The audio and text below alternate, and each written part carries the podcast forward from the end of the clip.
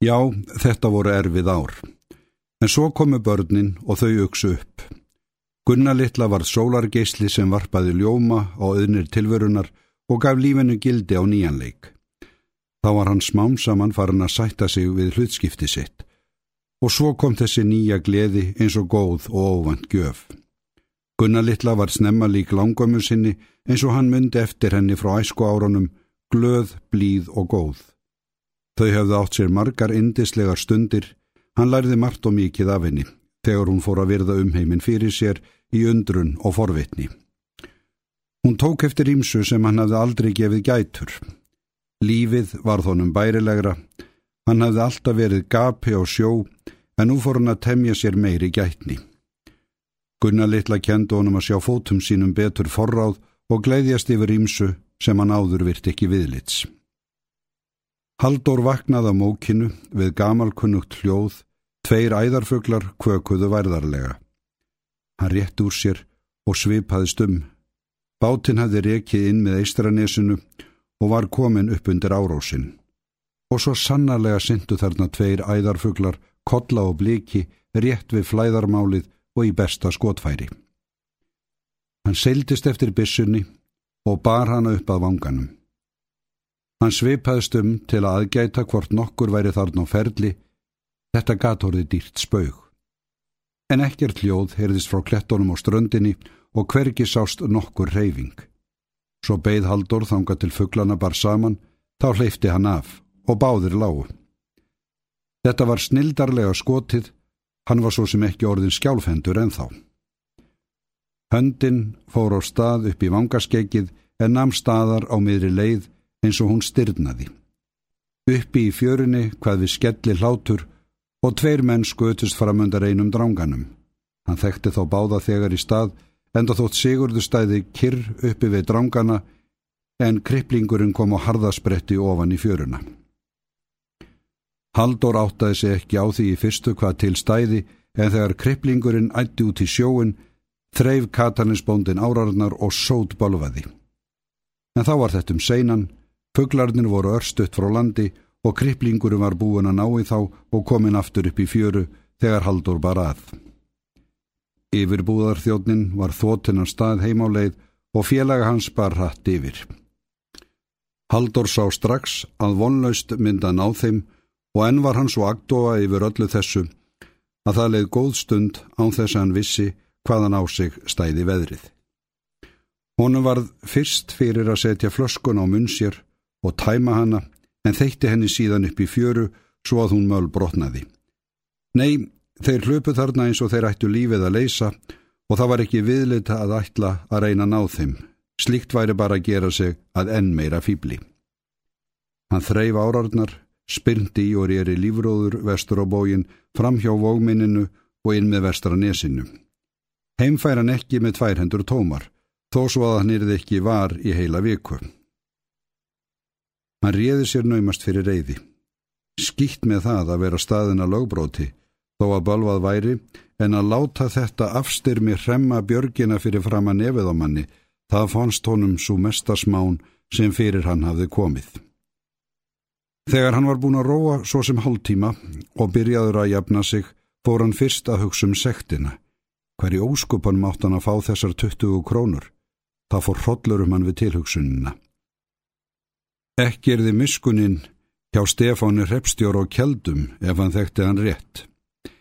Þeim hafðu oftar en einu sinni lent saman út af því að Repstjórin vildi ólöfu burt frá koti. Stefán hafði reynd að koma sér í mjúkin við hana fyrstu árin eftir að ávaldi druknaði en Haldur vissi mæta vel að það hafði Kjeldnabóndin unnið fyrir gíg og svo hafði hann þá reynd að hefna sín með því að ganga hart eftir afgjaldun af kotinu. Í fyrra hafði hann ætlað að taka af henni kindurnar en þá borgaði Jón í díavög það sem hún skuldaði.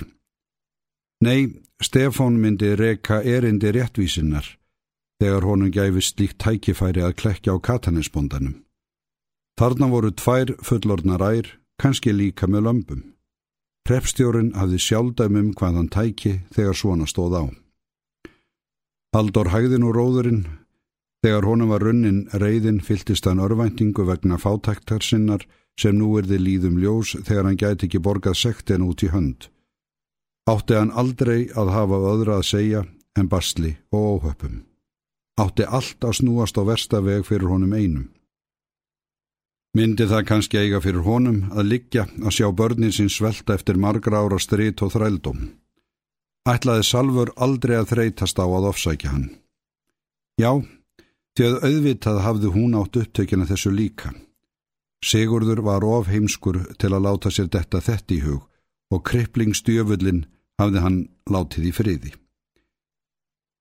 Salfur hlaut að standa á bakvið þetta. Og víst hafði hann komið ítla framgagvart henni, fannst ekki nema réttmætt að hún hefndi sín, en þó hlaut öllu að vera takmörg sett. Nú átt að vera nóg komið. Honu var að verða þetta óbærilegt Hann sökk ædýpra í eimd og volæði, myndi aldrei losna við fátæktina fyrir en dauðin líknaði sig yfir hann. Og svo tækju líklega veslingsbörnin hans hatur hennar að erðum. Nei, þá var lífið of dýruverði keift, bráðum þyldi hann ekki meira. Þetta síðasta hugsaði hann upphátt, satt harna undir árum og talaði við sjálfan sig. Nú hætti hann allt í henn að róa og hlustaði eftir orðum sjálfsín. Óskup var að vita þetta Var hann ekki farin að bylla eins og móðursjú kerling? Ekki bætti það þó úr skák að hann gerði sig að viðundri. Munaði vist ekki miklu að hann væri farin að skæla. Gata þá ekki einsvel hleyið. Þetta fannst honum svo spauilegt að hann fekk ekki varist því að brosa. Svo læða hann upp árarnar og hlóð bissuna. Skamt frá honum voru skerjaklassar og þar fegst yðurlega selur bæðu haust og vor og oftast líka slangur af fuggli. Hann læði bissun á nésir og svipaði stum.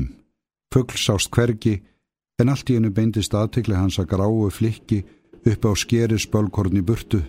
Þetta líkti steini, en Haldur hafði skarpa sjón og vissi strax hvers kynns var.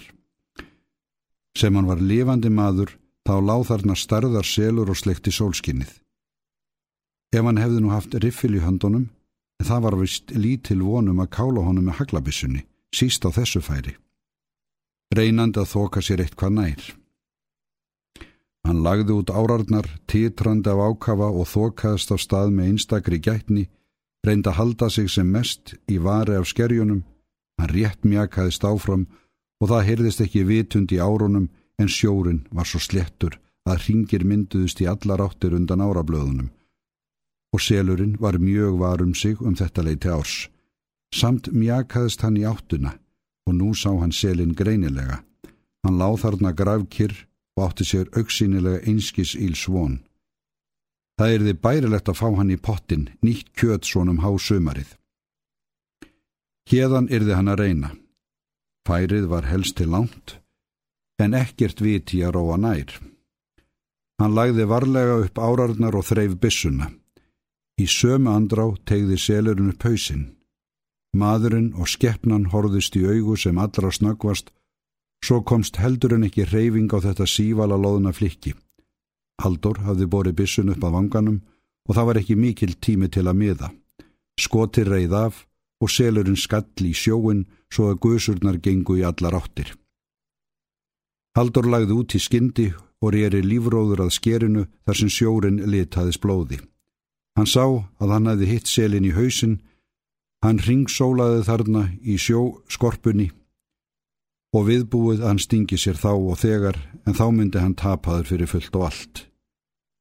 Haldur rendi beintaðunum, hér var engin tími til umhugsunar. Svo slefti hann árónum um leið og selurinn flöyti aftur með bátnum og greip hægri hendin í nakkan á skeppninni og náði ágætu tæki.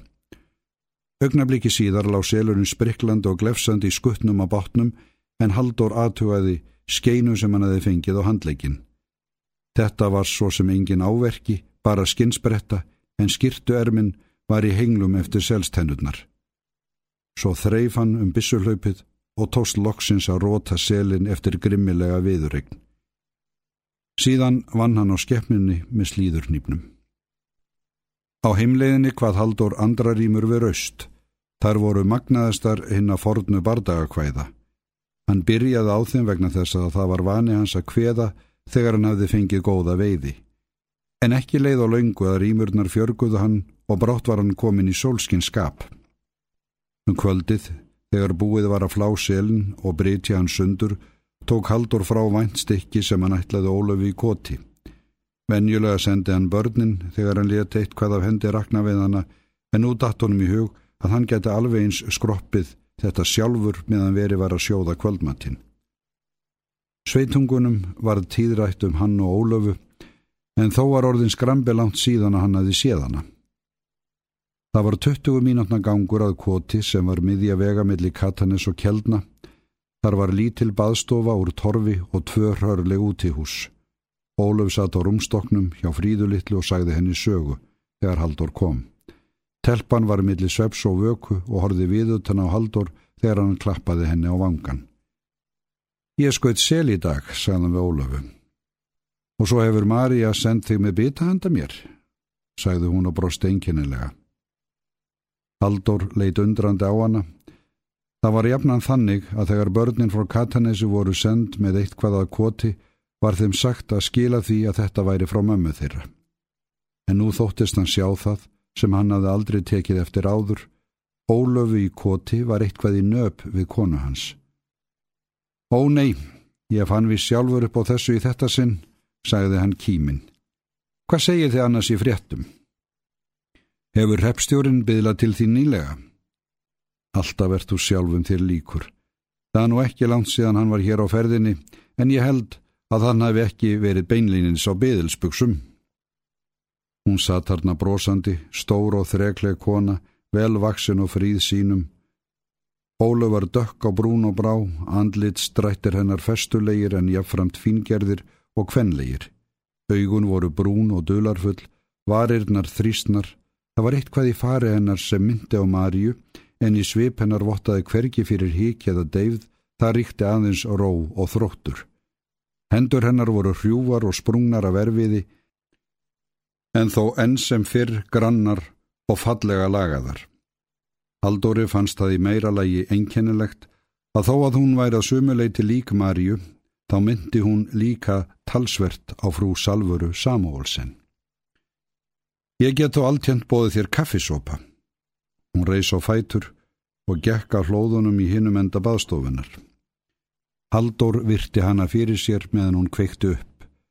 Baðstofan var rislá og fátæklegt það sem inni var, en allt í röð og reglu og yfir því þægilegu ró. Rúmin voru snirtilegu um búin og heimaopnar ábreyður breytar yfir þau, borðið og gólfið kvítþvegið og allt hreint og fáað. Hér ríkti friður og reglusemi, hér gætu Karl og kon átt góða daga, hugsaði Haldur með sér og honu var einkennilega innan brjósts. Sólinn varpaði kvöldróða inn um gluggakitruna og eldurinn logaði glatt. Súðin var dökk af reik því að baðstofan var jafnfannamt eldhús en hér var vistlegt og gott að vera. Kaffiliktina lagðum baðstofuna frá sjóðandi kallinum og nú kom Ólafur með bollana. Fríðalitla var laungu sopnuð í hinnurúmunu og ró og ánægja ríkt í huga Haldós. Hjá hann vaknaði óljóskurunurum að eitthvað nýtt væri á leið að gerast í lífi hans, eitthvað sem ekki væri rétt, en þeirri tilhugsun fyldi korki og óró nýja kvíði. Allt slíkt var honum viðs fjari. Þau sátu hlið við hlið á rúmi Ólafar meðan þau drukku kaffið. Haldur vissi naumast hvernig það atveikaðist en allt í einu hafði hann tekið utanum hanna og sett hann á hnésir án þess að hún síndi neina mótspyrnu. Heitur ströymur ungrar gleði fór um hann þegar hann fann þjættholda þrekvaksin líkama hennar þrýstast að sér.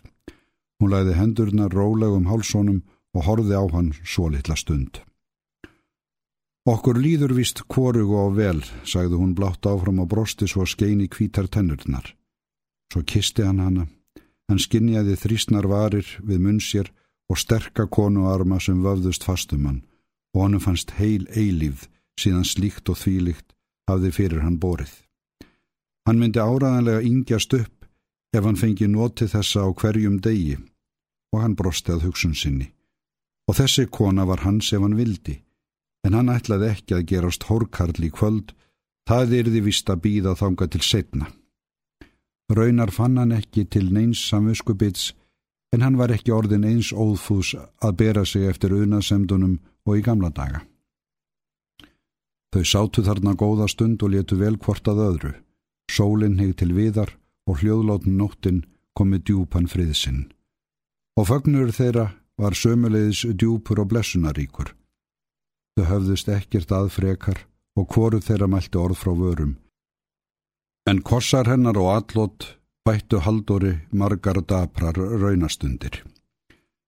Hann klappaði fríðu litla á kinnina áður en hann fór. Svo fyldi Ólafónum út á hlað, dögg var á jörðu og bláleit móða yfir mýrunum, árniðurinn einn rauf næturkyrðina. Kvítur kindahópur var á beit á lingbrúnum ási, grasið á túninu var eins og yðjagrænt flós og úti fyrir ströndinni mótti viðfæðma hafið í draumkendri værið. Loksins áttu þá sveitungarnir kollgátuna, hugsaði Haldur og brosti í kampin þar sem hann gekk í hegðum sínum heimáleið.